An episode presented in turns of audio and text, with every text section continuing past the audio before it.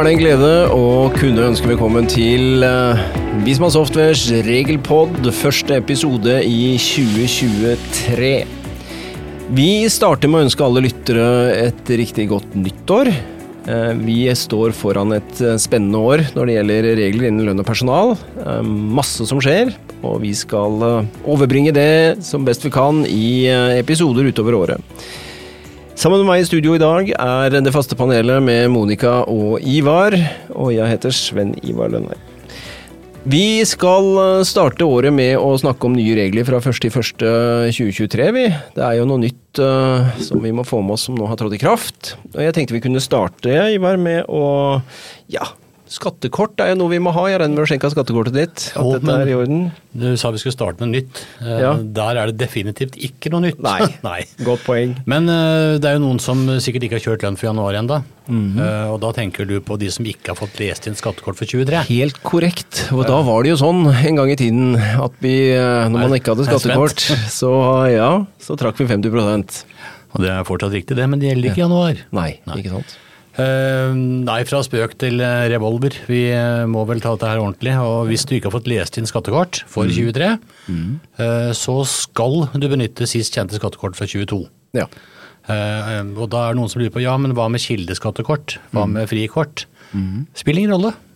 Det er skattekort det er skattekort, og det er ikke noe unntak fra det ene eller det andre. Nei.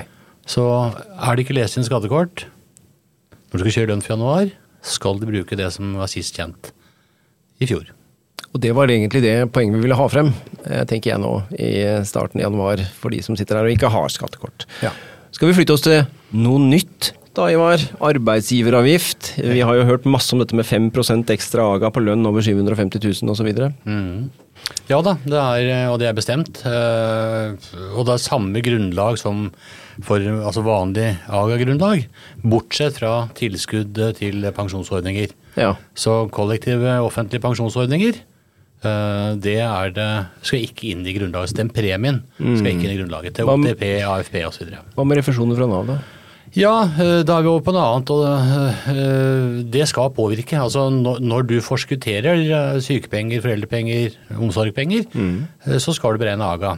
Den lønna eller sykepenger eller hva vi vil kalle det, når du forskutterer, det skal inngå i grunnlaget for 5 mm. Eh, og det står det også. Eh, men de har ikke fått på plass ennå hvordan man teknisk skal løse når du som arbeidsgiver får refundert kostnaden. Ikke sant. Fordi da skal jo det også redusere 5 eh, %-grunnlaget på AGA. Mm. Men tenk deg en som da er på oppunder 750 000, og så forskutterer du 50 000 i sykepenger. Mm. Og da skal du jo beregne 5 AGA av det. Og så slutter vedkommende, og så får du tilbake igjen pengene fra Nav og så kommer du under, sånn at ja. du ikke skal beregne. Skal du da kjøre en minus, eller? Det veit vi ikke ennå. Det har ikke kommet men det skal påvirke. Ja. Men på hvilken måte veit vi ikke. Og så er det viktig å ha med seg at dette gjelder per arbeidsgiver. Mm. Eh, så har du flere arbeidsgivere, så er det 750 000 med grensa hos hver. Og så er det kun av det overskytende, altså det som er utover 750. Ja. Er, eh, og så sier noen ja, skal det beregnes liksom fra januar? Eh, noen sier nei, ja, med mindre liksom, du har en som har mer enn 750 000 i januar. Ja. Da er det først når du har passert 750 at det overskytende er 5% Hva hvis en arbeidsgiver tenker de skal være litt lure da, og si det er et konsern f.eks., og så har de en arbeidstaker som tjener godt, så tenker de at nå skal vi være litt lure, og så skal vi fordele lønnskostnaden på, på flere AS-er f.eks. Mm. Eh, vil det kunne fungere? Ja, det vil kunne fungere, men det har jo sjølsagt de som lager regelverket tenkt på. Jeg har jo sett den muligheten for å omgå, omgå regelverket. da. Og da sier de at det her vil skatteetaten kunne skjære gjennom og si at eh, ok, dette her er manipulering av regelverket eh, for å unngå å beregne ekstra aga. Mm. Derfor har man delt opp lønna. Så det har de tenkt på allerede. Men hvis du, la oss si du har allerede nå da, en som, som har lønn fordelt på forskjellige AS-er i et konsern, eh, de trenger jo ikke være bekymra for det, for de har gjort liksom før dette her mm. har blitt offentliggjort. da. Mm. For oversiktens skyld også ta med dette med USA, Canada, sjøfolk. Ja, USA og Canada, sånn, altså de som er utsendt derfra, som det heter. Altså mm. kanadisk eller amerikansk selskap som har uh, si kontor i Norge eller virksomhet i Norge og, og henter folk inn for å jobbe. 7 av AGA, samme i år som i fjor, som har vært i mange år. Og så er det utenlandske sjøfolk. Det er de som kommer utenfra EØS-området. Det er ikke så veldig mange. Så de som, som har det, de kjenner til det. Det er en fast beløpssats uh, for AGA, skal vi kalle det for det, uh, per måned. Mm. Uh, som nå er 510 per måned. I fjor var det 487. Ja. Så det er altså ikke vanlige sjøfolk, men de som kommer, mm. typisk filippinske sjøfolk som jobber på NOR-registrerte skip. Da. Ja.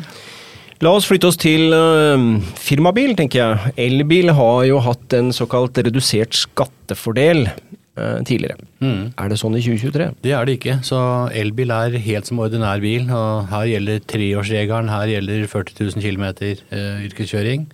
Så elbil er eh, ikke noe unntak lenger. Det er akkurat som en helt ordinær firmabil. Ja.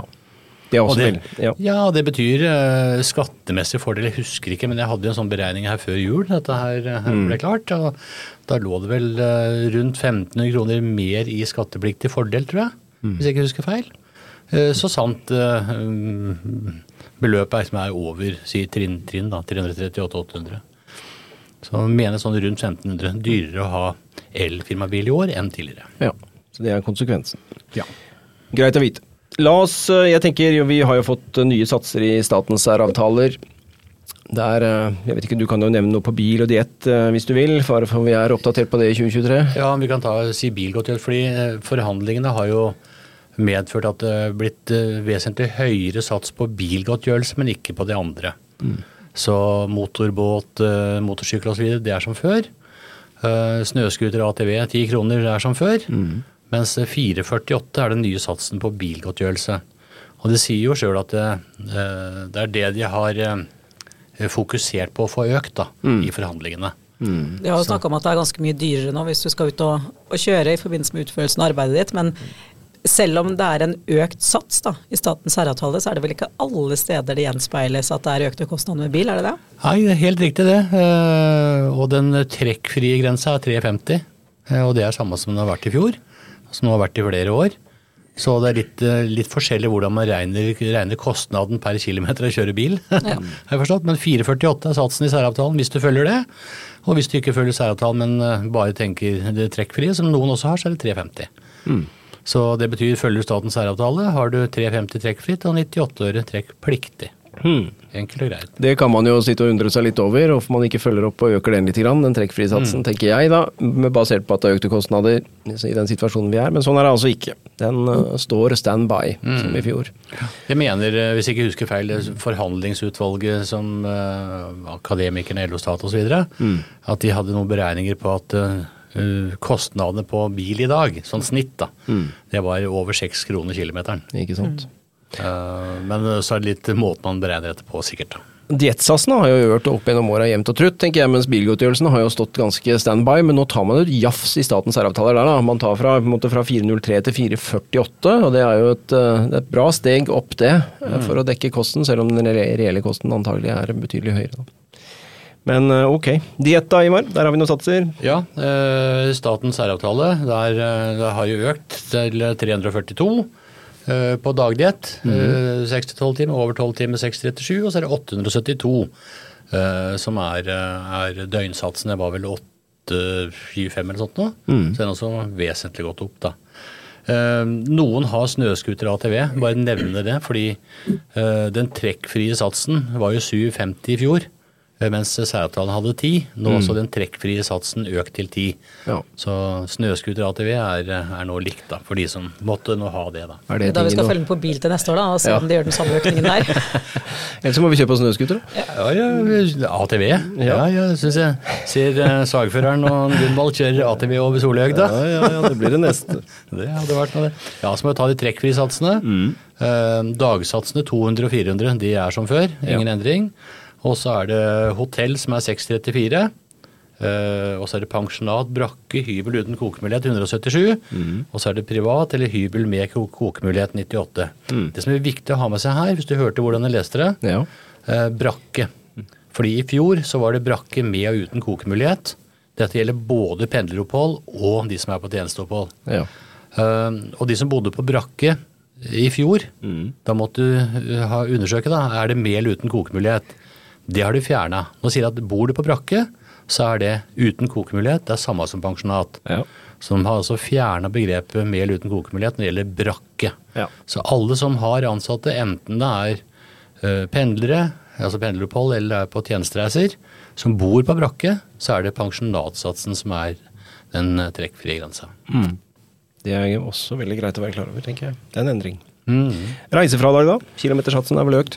Ja, eh, økt med fem øre. 1,65 i fjor, 1,70. Og det betyr at hvis arbeidsgiver dekker besøksreiser eh, med bil, altså den ansatte bruker egen bil, så er det 1,70 som er, er grensa.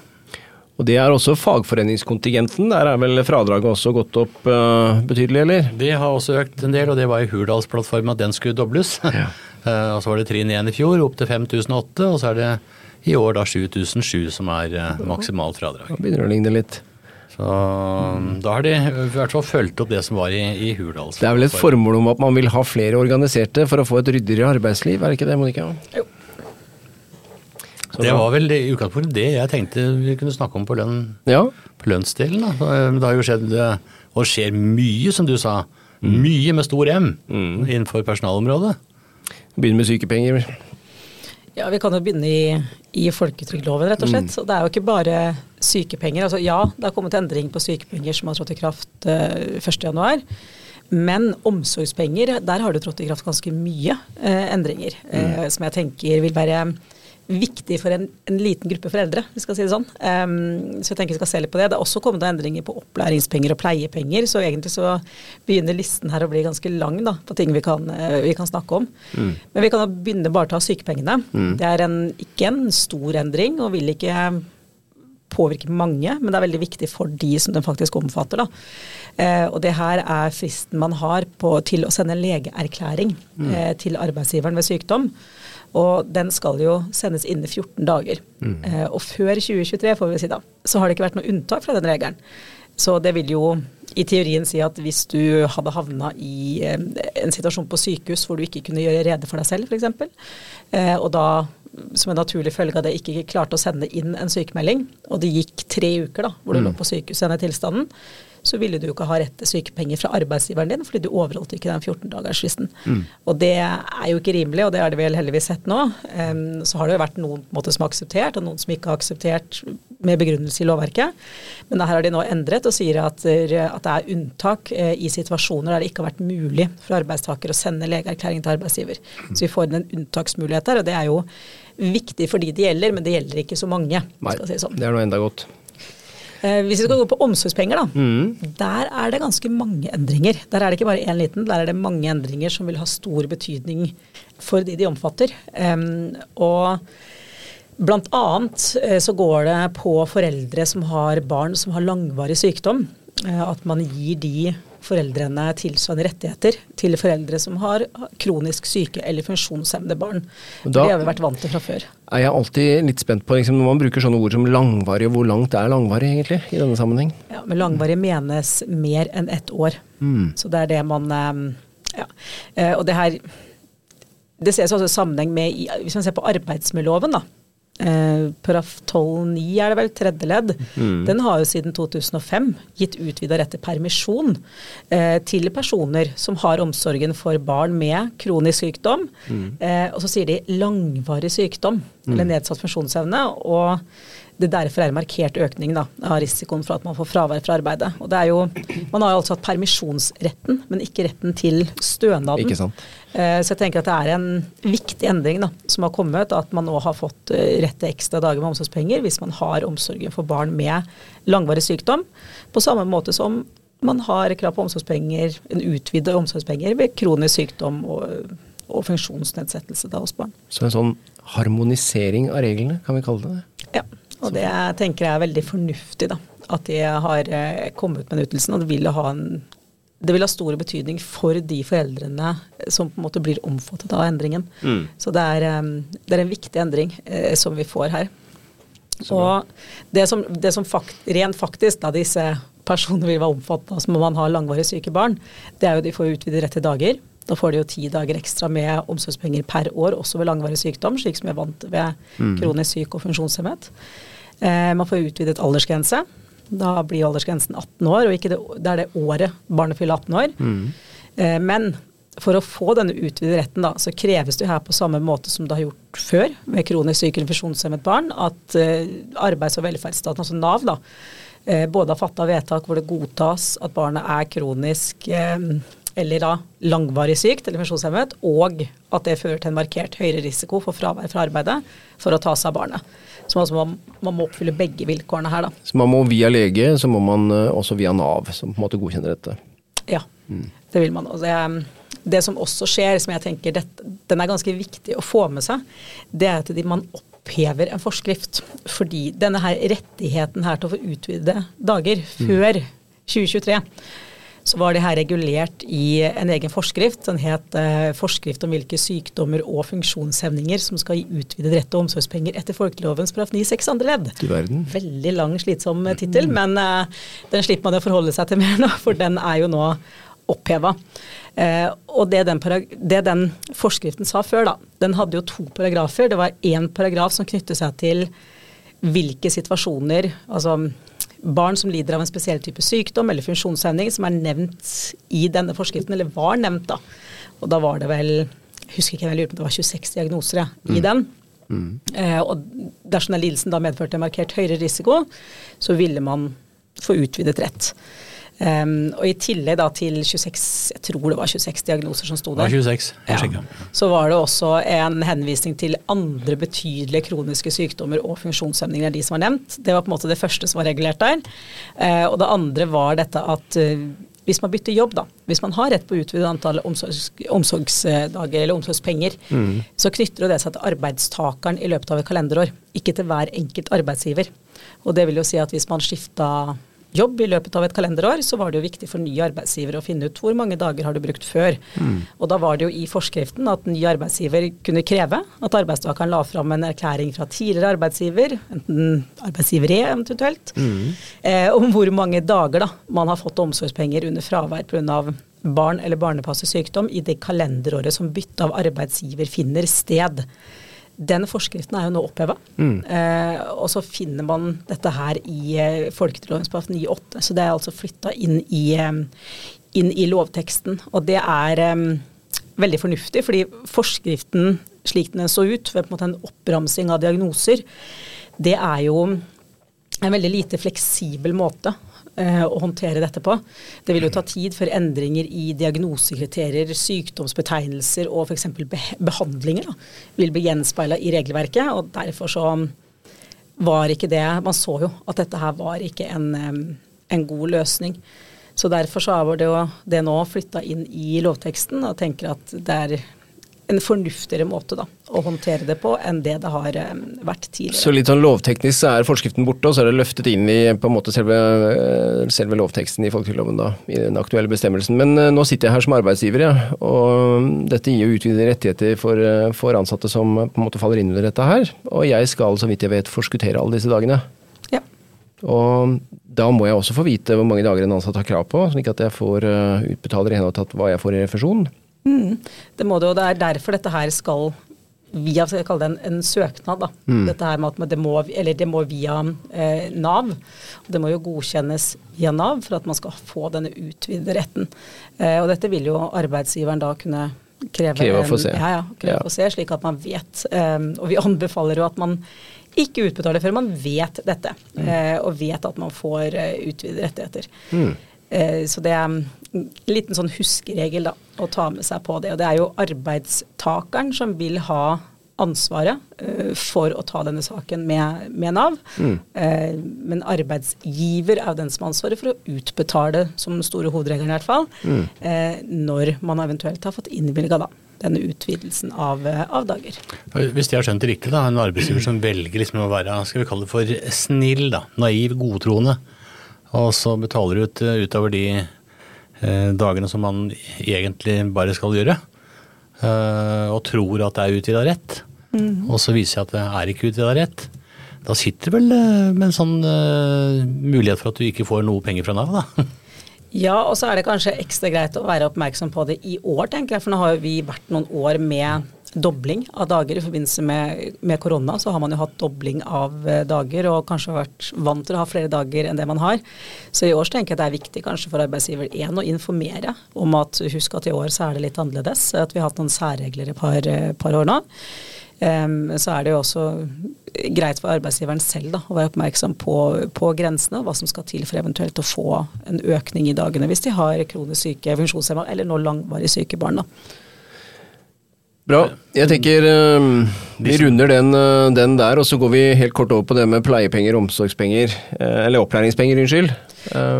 Der har du noen nyheter ja, der, selv om det ikke er så relevant. Jeg skal bare ta med et par ting til på omsorgspenger først, som er litt ja. viktig å få med seg. Det ene er dette med å være alene om omsorgen for barna. Um, og her er det på en måte en presisering i lovteksten, fordi når er man alene? Og i noen situasjoner så kan man være alene uten å være alene. altså at man er, i utgangspunktet er to om omsorgen, da, men så er det en særsituasjon som gjør at det er egentlig bare én forelder her som kan ha omsorgen for barnet. Eh, så nå er det presisert i lovteksten at en person anses også som alene om omsorgen dersom den andre forelderen er i, mm, er i fengsel eller avtenner verneplikt. Eh, så det er på en måte greit å få med seg det også. Eh, I tillegg så er det slik at hvis en av foreldrene er alene om den daglige omsorgen, så får man jo egentlig dobbel kvote. Da får man jo de dagene man vanligvis har, ganger med to. Eh, men det kan jo være at foreldrene ønsker å fordele disse dagene seg imellom allikevel. Og tidligere så har dette her måttet basert seg på samværsavtalen, hvis man ønsket å gjøre det. Eh, dette er blitt en forenkling, heldigvis, tenker jeg, eh, som sier at hvis en av foreldrene er alene om den daglige omsorgen, så kan man fortsatt fordele stønadsdagene mellom foreldrene, men da etter avtale, uavhengig av samværsavtalen. Og man skal ikke lenger sende en skriftlig erklæring til Nav om fordelingen, slik som man har gjort eh, før 2023. Så jeg tenker det er en forenkling og en god regelendring da, i forbindelse med dette best mulig å ha omsorgen for barna. Mm. I tillegg Eh, så er det også kommet til noe i forbindelse med omsorgspenger for deler av en dag. For utgangspunktet er jo har du fravær en hel dag, så er det selvfølgelig en dag.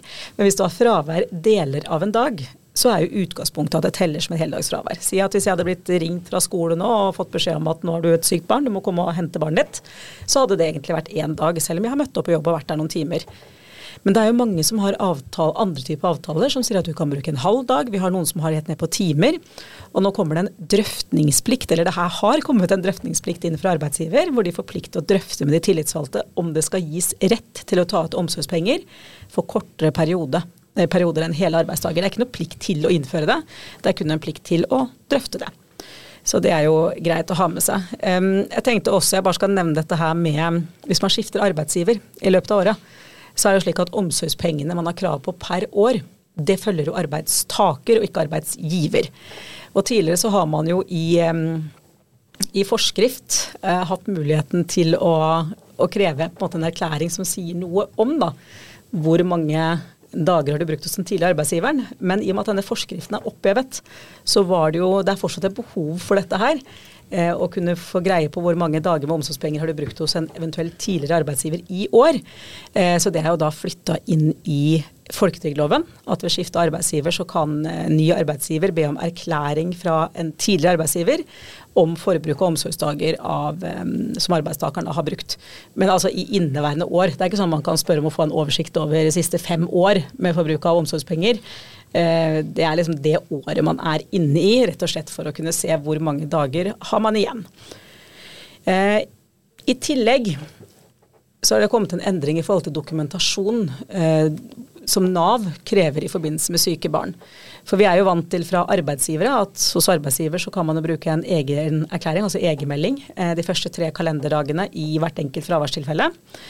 Men hvis, har, hvis det er Nav som har hatt utbetalingsansvaret fra dag én, så har man ikke kunnet levert en egenmelding. Da må man levere legeerklæring fra dag én. Men ikke nå lenger. Fra 1.1 så er det særlig dokumentasjonskravet for de tre første kalenderdagene eh, i hvert enkelt fraværstilfelle. Det er fjerna. Eh, og det er fjerna både for arbeidstakere, frilansere og selvstendig næringsdrivende eh, som mottar omsorgspenger fra Nav. Så det vil si at barn og barnepassersykdom det kan også dokumenteres med egenmelding de første tre stønadsdagene, og deretter med legeerklæring hvis det er aktuelt også når Nav yter omsorgspenger. Og det er jo en, en god forenkling, da. Eh, både tenker jeg for, for Nav og for, for arbeidstakerne. Jeg tenker Det var sånn kort om dette her med, med omsorgspenger. Så det er ganske mange, mange endringer. og Jeg kunne snakka mye lenger om det, Ivar. Jeg vet du syns jeg snakker mye om det, men det er, eh, det er, endringer som vil ha stor betydninger for, eh, for, mange. Spesielt dette her med at man får inn langvarig syk. Eh, for her er det mange foreldre som har havna mellom to stoler og ikke fått en utvidelse fordi behovet har vært der, men det har ikke vært inne i, i forskriften. Um, I tillegg så er det jo fornuftig, tenker jeg, at de fjerner, eh, fjerner forskriften og heller uh, har fått en tydeligere regulering inn i paragraf 9-6 i folketrygdloven i forhold til hvilke situasjoner det er aktuelt da, med en, um, en utvidelse av antall dager. Men vi kan vel slå fast og være enige om at det viktige her, det er jo at arbeidsgiver ikke begynner å betale ut de ekstra dagene uten at man har fått det dokumentert at det er greit. Helt klart. at det, det, bør man ha på plass først. Hvis ikke så risikerer man jo f.eks. ikke få refusjon da, hvis man kommer over det antall dager. Så um, å få dokumentasjon på det ved, ved, ved ekstra antall dager, den er um, viktig å ha på plass og få inn i rutinene. Jeg tror vi skal minne om at det går an å lese på dette her også på Community. Eh, det blir mye stoff og mye detaljer, så det er klart det er, det er greit å Hvis det, noe skulle gått inn det ene og ut det andre nå, så er det fullt ut mulig å gå på fagområdet lønn og personal og hente inn, for der står det svart på hvitt. Så da kan man på en måte holde seg à jour der, da. Viktigst er vel egentlig å presisere at det har kommet en del store endringer egentlig på omsorgspengeområdet i år. Gå inn på Community og les, så får dere en, i hvert fall en god oversikt da, over hva det gjelder. Så er det jo også vedtatt noen endringer på pleiepenger og opplæringspenger når det gjelder pleiepenger, så går dette på hvis man har pleie i hjemmet av nærstående i livets sluttfase. Og det som er endringen, er at to personer kan ta ut pleiepenger samtidig ved pleie i hjemmet. Og at samme legeerklæring kan legges til grunn for alle som eventuelt pleier nærstående i hjemmet i livets sluttfase. Og på opplæringspenger så er det egentlig en klargjøring i lovteksten for å tydeliggjøre at det er ikke kun barnets foreldre som vil kunne ha rett til opplæringspenger, men også andre da, som har en, en rolle i omsorgen for barna, som vil kunne ha rett til den stønaden. Mm. Da tenker jeg vi skal gå på noe som gjelder veldig veldig mange, i hvert fall. Dette her med permisjonskategorier og avmelding. Der er det jo en endring fra første i første, er det ikke det? Jo, og det er jo en veldig viktig endring eh, å få med seg. Og den endringen knyttes jo opp til, eh, til OTP og rapportering av pensjon, og at pensjonstilbyderne nå skal kunne hente disse opplysningene direkte fra, fra avmeldingen. Eh, og hvis man har permisjon, så vil jo det kunne påvirke medlemskapet, men da avhenger det av hva slags permisjon er det snakk om. Eh, så det er jo rett og slett for å i større grad da kunne automatisere saksbehandlingsprosesser. Det er jo det det handler om. Um, og permisjonsbeskrivelsene, det er slik at nå har vi fått flere. Vi har jo fram til og med 31.12.2022 så har vi hatt fire. Fra 1.1.2023 så er det nå eh, seks eh, kategorier. De to første de er uendra. Det er permisjon med foreldrepenger og permisjon ved militærtjeneste. De hadde vi også før 2023. Men så har vi fått eh, altså da fire til.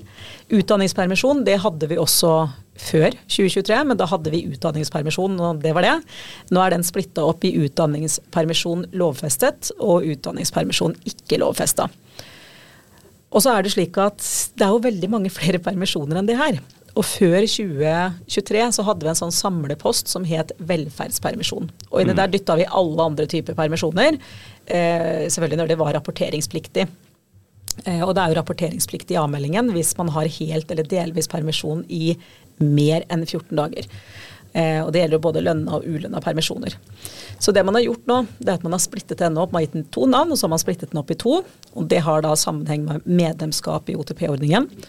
Og det er at nå heter det andre lovfestede permisjoner og andre ikke-lovfestede permisjoner. Så velferdspermisjonskategorien som vi, eller beskrivelsen som vi kjente i 2022, den finnes ikke lenger. Den Nei. er borte. Mm. Det er viktig, da, tenker jeg. Det er viktig. Og det som også er greit å, å, nevne, tenker jeg, som vi ser at det er mange som har litt spørsmål rundt, det er jo akkurat dette her som vi akkurat sa med omsorgspenger. For hvis man har omsorgspenger, altså hjemme med kortvarig sykt barn eller ved barnepasset sykdom, så skal dette ikke rapporteres som permisjon i avmeldingen, uavhengig av lengden på fraværet. Så det er liksom greit å ha med seg akkurat den. Ja. Eh, kan du kanskje nevne én til, da? Jeg har lyst til det, fordi det er den vi nesten får mest spørsmål om. Og det er jo hvis man har eh, en arbeidstaker som har et sykefravær som varer mer enn tolv måneder. Da skal man jo rapporteres inn med permisjon. Ikke i den delen man mottar sykepengene, men etter tolv måneder så skal man rapportere fravær, et eventuelt fravær som permisjon. Og den har jo tidligere lagt i velferdspermisjon. men nå ligger den i andre ikke lovfestede permisjoner. Og her også har vi jo eh, en eh, artikkel på Community som dere kan gå inn og lese på. Da vil dere også finne brukertips ut til Payroll, Visma Lønn og Hult og Lillevik. Ja, det er også litt sånn mot sunn fornuft at man skal rapportere permisjon i, på den perioden, men det, det, er det man skal, rett og slett, i forhold til avmeldingen, uten at det har noen form for betydning for arbeidsforholdet som sådan. Så, ja, og det, det, jeg tenker kanskje det er ganske viktig at jeg presiserer det, for det er ikke tydelig nok i veiledningen, føler jeg. At det er ikke sånn at man skal ta en vurdering etter tolv måneder om arbeidsforholdet skal videreføres eller ikke. For arbeidsforholdet det avsluttes ikke automatisk selv om man har vært syk i mer enn tolv måneder. Så det er ikke noe vurdering på det. Eh, vurderingen ligger jo i om arbeidsforholdet eventuelt kan avsluttes etter langvarig sykefravær. Eh, så det jo, det går automatisk videre arbeidsforholdet, men da må man være oppmerksom på at det skal rapporteres inn i avmeldingen som, eh, som permisjon. Og Det er ganske viktig, og vi ser at det er mange som hopper over det steget der. Mm. Veldig bra. Så tenker jeg vi kan helt kort også nevne dette med mm, Det er vel en covid-forskriftregel som er forlenget litt. Dette her med at man Dette med legeerklæring knyttet til Altså uten personlig oppmøte. Ja, vi ser jo det at denne forskriften som eh, hva den het, hadde sånn langt, fint navn, midlertidig forskrift om unntak fra folketrygdloven og arbeidsmiljøloven i forbindelse med covid-19-pandemien, mm. den er jo nesten helt ferdig, hvis vi skal si det sånn. Men så er det én ting de har forlenget, da i, eh, i, denne forskriften, og det handler rett og slett om legeerklæring uten personlig oppmøte. Mm. Uh, og her har man vedtatt å forlenge akkurat det koronatiltaket som gir adgang til å utstede en legeerklæring uten personlig oppmøte, men da må det være at legen uh, vurderer det som faglig uh, forsvarlig. Fordi selv om på en måte dette her med covid-19-pandemien er inne i en annen fase, og man tenker litt annerledes nå enn man gjorde for to år siden, så er det fortsatt smitte i samfunnet. Og dette er da noe man har sett på som et nødvendig tiltak og fornuftig tiltak. Eh, og den forlengelsen gjelder til og med 30.6 eh, i år. Mm. Veldig bra. Da tenker jeg vi, um, før vi runder helt av, bare skal nevne to endringer til som vi har fått fra 1.1. i år. og Det er dette med at uh, vi i norsk arbeidsliv nå har uh, en heltidsnorm, som egentlig er noe nytt. Vi har jo allerede en norm som hovedregelen er at vi skal ansette mennesker fast og ikke midlertidig, bare unntaksvis. Og nå har vi da fått også en slags norm, en egen paragraf, som sier at man primært skal ansettes også i heltidsstilling. Eh, den, den har trådt i kraft nå fra 1.1. i år. Eh, det er ikke noe forbud mot å ansette deltid for all, til, for, for all, all, del, mener jeg. Det er ikke det som ligger i selve regelen, men man skal på en måte, det er en drøftelsesplikt da, sett med arbeidsgivers øyne, som er innført, hvor man som arbeidsgiver da, dersom man skal ansette deltid, plikter å drøfte dette med tillitsvalgte i forkant og skriftlig dokumentere hvorfor man eventuelt da velger å gå for en deltidsansettelse. Jeg syns det er viktig å ha med seg Sven Ivar, det du sier nå, for det, det er jo mange, også en god del i hvert fall, vi veit vi, som mm. ønsker å ha en deltidsstilling som kanskje har små barn eller som begynner å nærme seg pensjonsalder. Mm. Uh, og det er ikke forbudt å ønske seg en deltidsstilling. Nei, nei, for all del. Og, så det er, det, er ikke, det er, ikke, noe forbud, og det tenker jeg er det store budskapet her. Men det er litt sånn administrativ jobb for arbeidsgiver da, knytta til deltidsansettelser. Slik at man skal bevisstgjøre arbeidsgivere på dette med at må vi virkelig ansette en person i deltid eller ikke. Og her holder det ikke å samle opp alle disse vurderingene på om det skal være heltid eller deltid til, til slutten av året f.eks. Gjør det en gang i året. Det her gjelder vel konkret Løpende. i forhold til hver enkelt stilling man vurderer om skal være deltid. Ja. ja. Ved hver ansettelse. Det er den ene. Den andre som også har trådt i kraft fra 1.1 i år, er dette Vi har jo allerede regler som på en måte gir deltidsansatte i norsk arbeidsliv en type fortrinnsrett. Den finnes eh, i dag. og Der man utvidet disse fortrinnsrettsreglene litt for å styrke ytterligere deltidsansattes stilling, der man på en måte ønsker kan man si, å jobbe mer enn den stillingen man har i dag. Og det konkret, De endringene som er innført fra 1.1, det er at man har eh, sagt at fortrinnsretten også skal gjelde fremfor at arbeidsgiver foretar ny innleie i virksomheten, slik at eh, den er ny. Eh, og man skal også ha fortrinnsrett til det man kaller ekstravakter og lignende i virksomheten, framfor at arbeidsgiver ansetter eller leier inn arbeidstak til å utføre akkurat det arbeidet. Så mm, det er viktig å få med seg. Og en ting til. Tidligere har ikke deltidsansatte, eller nei, unnskyld, midlertidig ansatte hatt fortrinnsrett etter disse reglene. Det har de nå, fra 1.1 i år.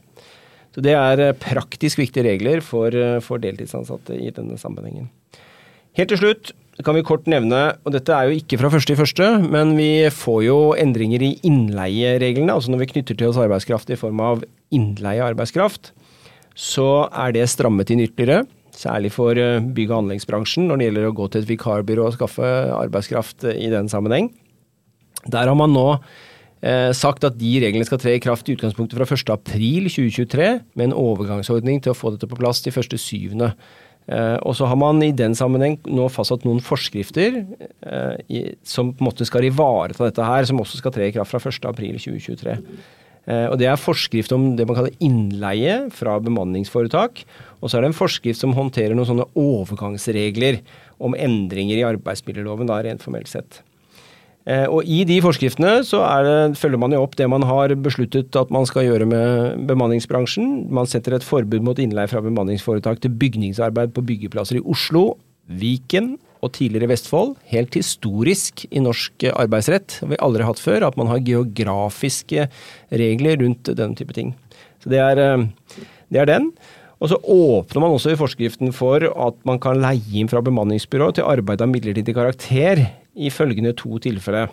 Det er innleie av helsepersonell for å sikre forsvarlig drift av helse- og omsorgstjenester, og innleie av arbeidstakere med spesialkompetanse som skal utføre rådgivnings- og konsulenttjeneste i klart avgrenset prosjekt, sier man. Så Det blir en interessant greie å se hvor man skal følge opp det. Men det er jo en innstramming, fordi at dette alternativet som går på dette med arbeid av midlertidig karakter, har vi fram til 1.1. i år kunnet bruke innleid arbeidskraft. Hvis vilkårene i arbeidsmiljøloven 14.9 som sier at du kan ansette til nettopp bruk arbeid av midlertidig karakter, da.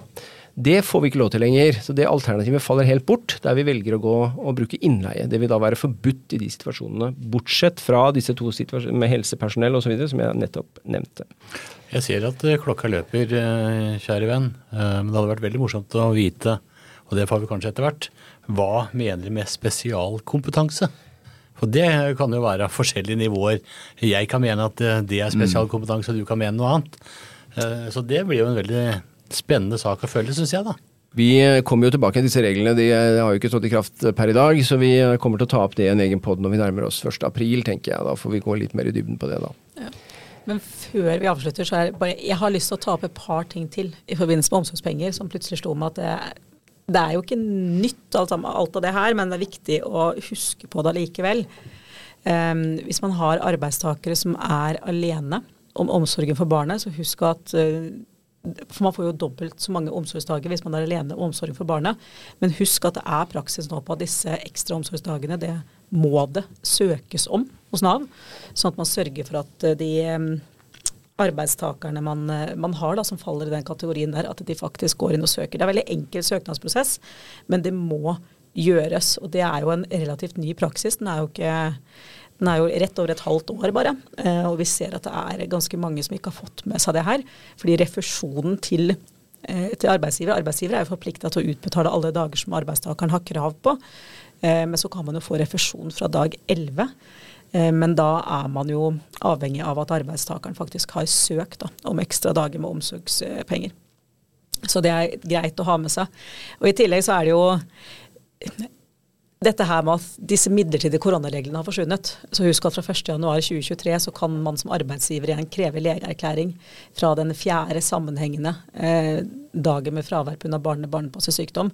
Nå har vi hatt disse særreglene som har akseptert egenmelding i hele perioden, men nå kan man altså kreve legeerklæring som arbeidsgiver igjen fra dag fire. Man må ikke, men man kan. Så jeg skulle avslutte med det. Så bra. Det ble mye nytt eh, fra årets første pod. Bare legge til én ting her òg, da. Ja. Fordi vi har snakka om arbeidsgiveravgift. Uh, teorien er én ting, og det praktiske er noe annet. Uh, men selvfølgelig så legges det ut på Community på Hult Tilvik for de som har det. Visma-lønn for de som har det, ligger ute allerede. Uh, og så kommer det ganske straks rundt hjørnet praktisk brukertips for payroll også. Hva du skal passe på. Men Eh, ta det helt med ro. Dette skal systemet beregne helt automatisk for dere. Det er ikke noe du trenger å sitte og følge med på sjøl. Men sjekk community, så ser du brukertips. Så bra. Og med det, da runder vi av årets første regelpod, og ønsker alle en fortsatt riktig fin dag.